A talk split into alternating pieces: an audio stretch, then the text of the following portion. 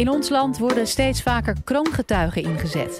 In ruil voor strafvermindering helpen zij dan bij het opsporen en vastzetten van de grootste criminelen. Maar is het wel verantwoord om deze misdadigers te belonen, terwijl ze zelf vaak grote delicten hebben gepleegd? Sven Brinkhoff, docent strafrecht aan de Open Universiteit, vertelt in deze podcast hoe het Nederlandse strafrecht omgaat met kroongetuigen en welke bezwaren eraan kleven. Live vanuit Club Air is dit de Universiteit van Nederland. Ja, stel jezelf eens voor. Je zit goed in de drugshandel. Je handelt in wapens. Je hebt zelfs mensen vermoord. En dan in één keer staat de politie bij jou op de stoep. En ze zeggen: We weten alles van je. Maar als je met ons een deal sluit, kun je met de helft minder straf de dans ontspringen. Je wordt kroongetuige. En precies dat gebeurt er in twee bekende zaken die ik denk jullie allemaal wel kennen. Allereerst de zaak Holleder, waarin vice Peter, Peter Laes, uh, precies dit deed. Hij stond op tegen Holleder en Peter Laes was al van kinds af aan betrokken in de criminaliteit. En op een gegeven moment mondde dat uit in het plegen van liquidaties, onder andere in opdracht van Holleder. En hij maakte de overstap naar justitie. En in ruil voor de verklaring over Holleder en anderen ging hij acht jaar de cel in plaats van 16 jaar. En dan denk je, dat is mooi bekeken. Acht jaar in plaats van 16 jaar vastzitten. Maar tegelijk moet je je ook voor ogen houden dat vice Peter, Peter Laes, vanaf nu altijd achterom zal moeten kijken. Want het praten met de politie is het ultieme verraad in het criminele milieu. En hij loopt dus levenslang gevaar.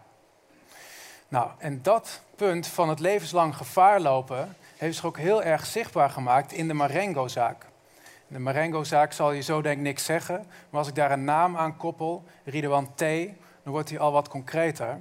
En precies in die zaak heeft dat gevaarsaspect zich zo erg laten zien. Die zaak gaat over een vermeende, hè, ze zijn nog niet veroordeeld, een vermeende moordbende die een groot aantal liquidaties pleegde. En een van de, de, de onderdeel, onderdeel van die moordbende, die stond op tegen de andere verdachte, Nabil B. Toen, eigenlijk daags nadat dat naar buiten kwam, werd zijn broer vermoord. En een klein jaar later zelfs zijn advocaat. Een daad die heel Nederland schokte. Nou, die twee voorbeelden laten zien dat we in Nederland steeds vaker in zaken van zware en georganiseerde criminaliteit kroongetuigen inzetten. En daar spelen allerlei hele ongemakkelijke vragen mee. En die vormen eigenlijk de leidraad van dit college. Bijvoorbeeld is een vraag: is het wel verantwoord om te gaan dealen als overheid met mensen die zelf de trekker hebben overgehaald, zelf mensen hebben vermoord? Kun je dat als overheid, als politie wel doen? En hoe betrouwbaar is het eigenlijk als je iemand de helft minder straf aanbiedt? Krijg je dan wel eigenlijk een betrouwbare uitkomst als je dat aanbiedt? Nou, maar als laatste moeten we ons ook realiseren dat misschien wel het werken met kroongetuigen de enige optie is om echt bij criminele kopstukken uit te komen en ze achter de tralies te krijgen. Een duivels dilemma. Nou, in dit college neem ik jullie mee op reis naar de kroongetuigen.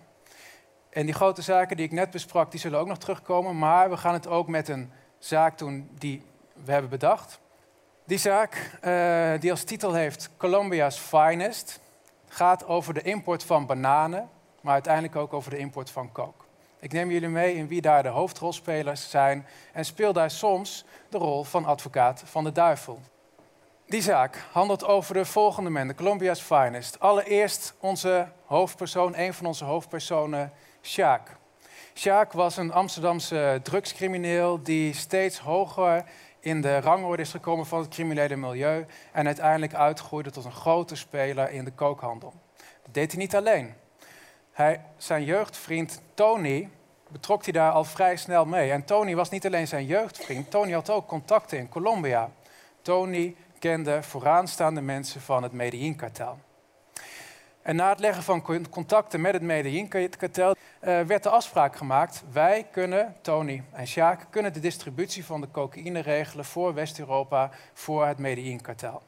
Zo gezegd, zo gedaan. Nou, als je zoveel cocaïne dan binnen gaat trekken, heb je natuurlijk ook, en dan komt veel geld uit, dan heb je natuurlijk ook iemand nodig die dat geld weer gaat witwassen. Saul. Saul is een advocaat, maar heeft zich door een samenloop van omstandigheden mee laten trekken in dit geheel en wast het geld wit van de organisatie. Maar niet alleen een witwasser heb je nodig, je hebt natuurlijk ook iemand nodig die de distributie doet. Die zorgt dat de schepen op een bepaalde plek aankomen, dat de containers worden leeggehaald. En in dit verhaal is dat Carmen, hoofdafdeling transport en logistiek van dit geheel. Nou, dat gaat jaren goed. De, de kilo's cocaïne lopen binnen en worden verder gedistribueerd over het hele uh, continent. Totdat de Rotterdamse douane een partij van 4000 kilo coke aantreft in een container.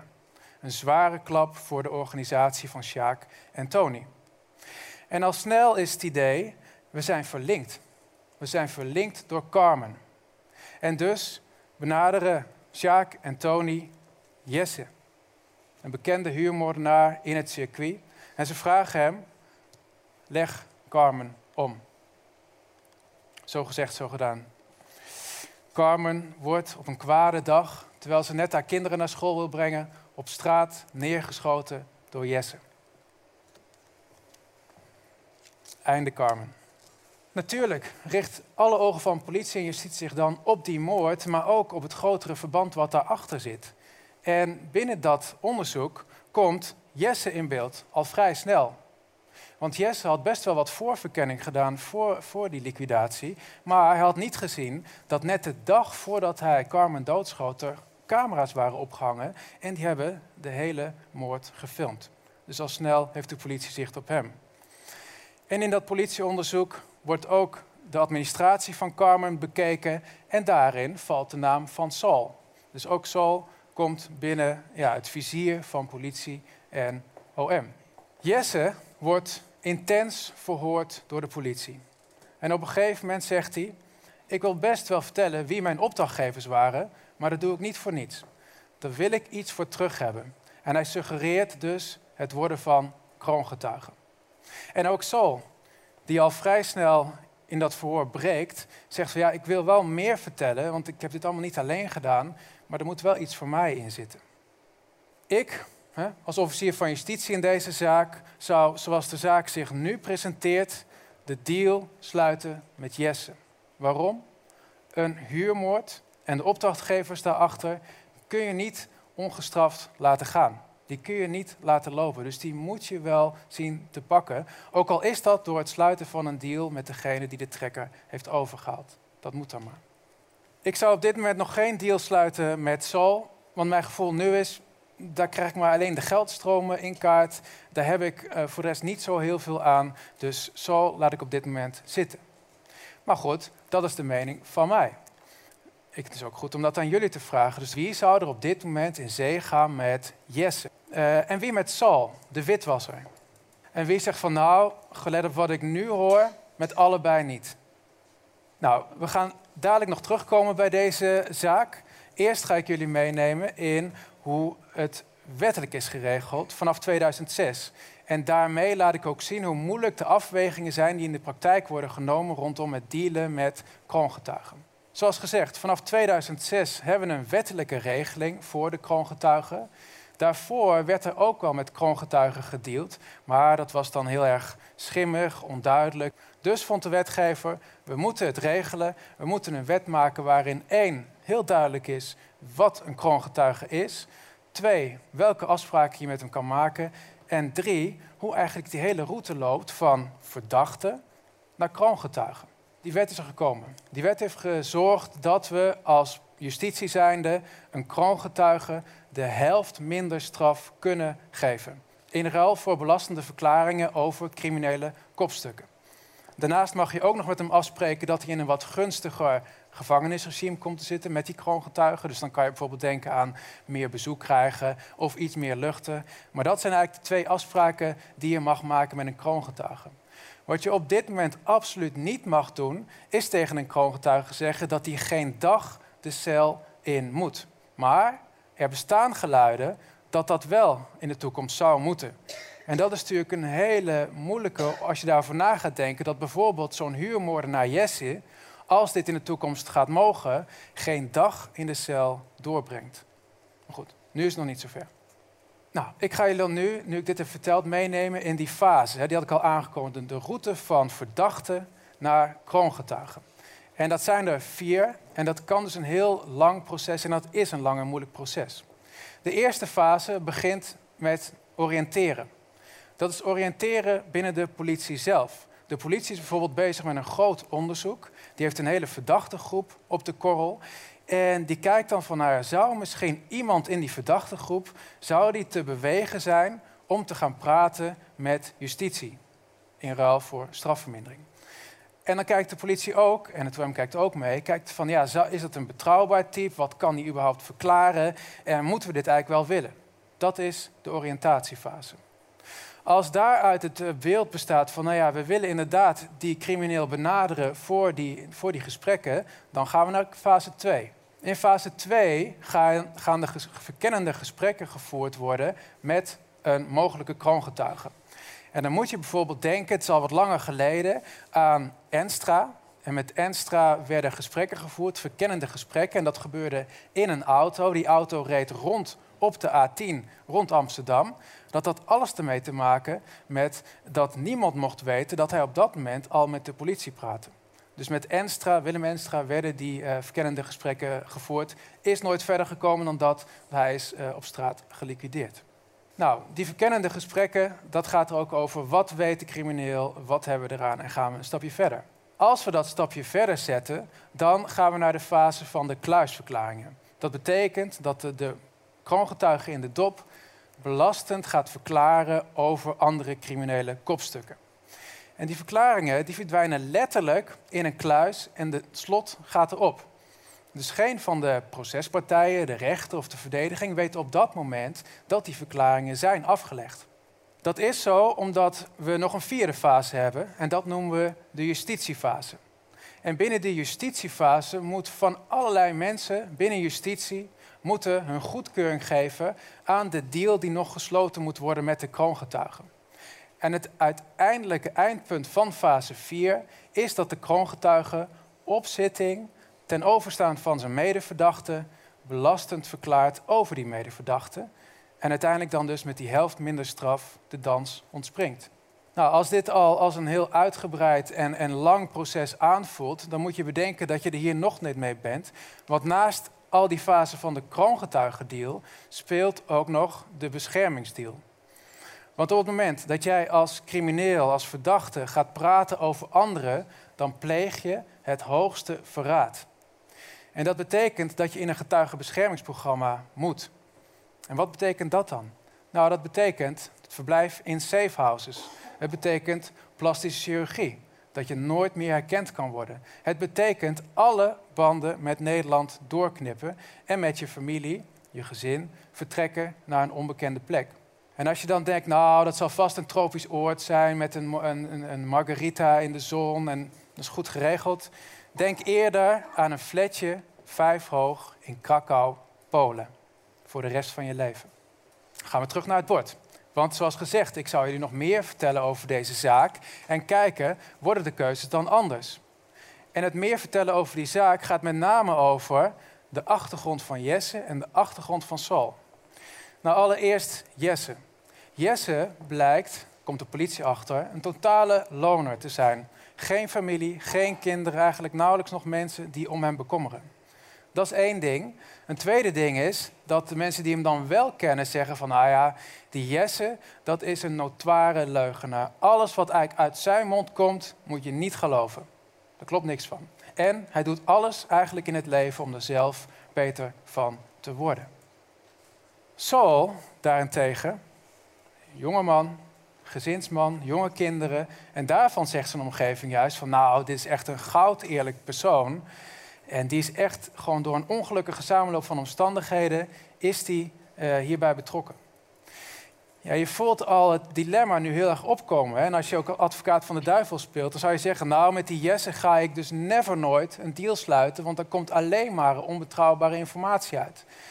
Terwijl Saul, ja, misschien wordt dat toch een betere kandidaat om kroongetuige te worden.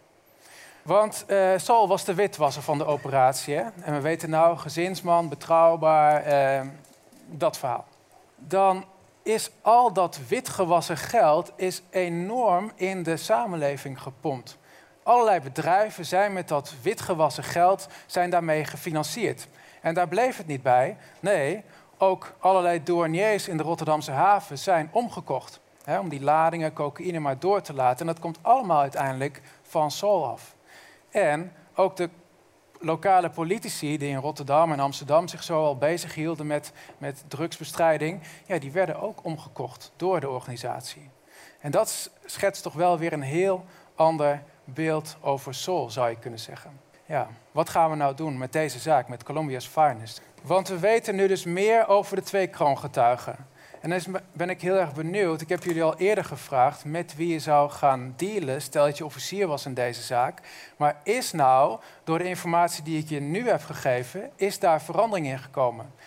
We maken Colombia's Finest af. Eh, en in de zaak, de officier, die besluit met beide te gaan dealen. Sol en Jesse worden allebei kroongetuigen. Want die officier denkt, ik kan dan zowel die liquidatie oplossen, die enorm veel impact heeft gehad, en ik kan de hele witwastak van die organisatie ook achterover trekken. En dat kan ik allebei niet laten lopen. Nou, de hele traject wordt ingegaan. Uiteindelijk leggen beide een verklaring af ter zitting. Daar is gelukkig veel politie tijdens die zitting aanwezig, want hoofdverdachte Sjaak maakt een snijdende beweging langs zijn keel en het lot van de beide kroongetuigen lijkt dus bezegeld in deze zaak. Nou, we hebben Holleder besproken, Marengo, de fictieve zaak Colombia's Finest. Dat leert ons dingen. Dat leert dat we, wat mij betreft, zeer terughoudend moeten zijn in Nederland met het dealen met kroongetuigen. En we moeten onszelf ook heel erg goed afvragen: willen we nou wel met elk soort crimineel in zee gaan als overheid? Er moet er niet een bepaalde verhouding zijn tussen de daden van de kroongetuigen en de daden van de hoofdverdachte waar hij over verklaart. En richting de rechter zeg ik: wees zo behoedzaam mogelijk als er een kroongetuige in je dossier zit. Want er wordt hem wel een worst voor gehouden en hij heeft echt iets te winnen bij het verklaren over anderen. Dus wees daar heel kritisch op en uh, geloof niet te snel het verhaal.